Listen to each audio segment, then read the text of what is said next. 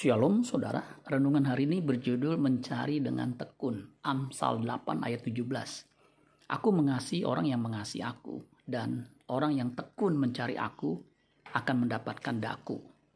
Kata tekun mencari dari satu kata Ibrani syakar, artinya to seek early or earnestly, mencari sejak awal atau sejak dini atau dengan sungguh-sungguh. To to, to look for diligently. To look for diligently artinya mencari dengan tekun atau rajin. Energetic, energik dengan energik. Mencari Tuhan harus dengan serius baru menemukan dia. Ibrani 11 ayat 6. Tetapi tanpa iman tidak mungkin orang berkenan kepada Allah.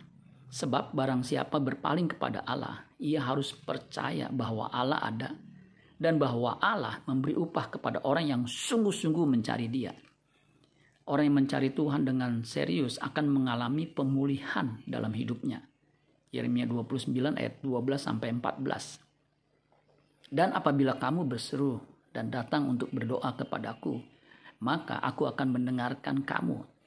Apabila kamu mencari aku, kamu akan menemukan aku. Apabila kamu menanyakan aku dengan segenap hati, aku akan memberi kamu menemukan aku.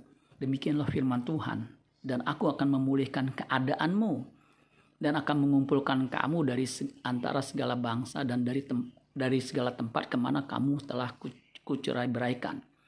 Demikianlah firman Tuhan dan aku akan mengembalikan kamu ke tempat yang dari mana aku telah membuang kamu.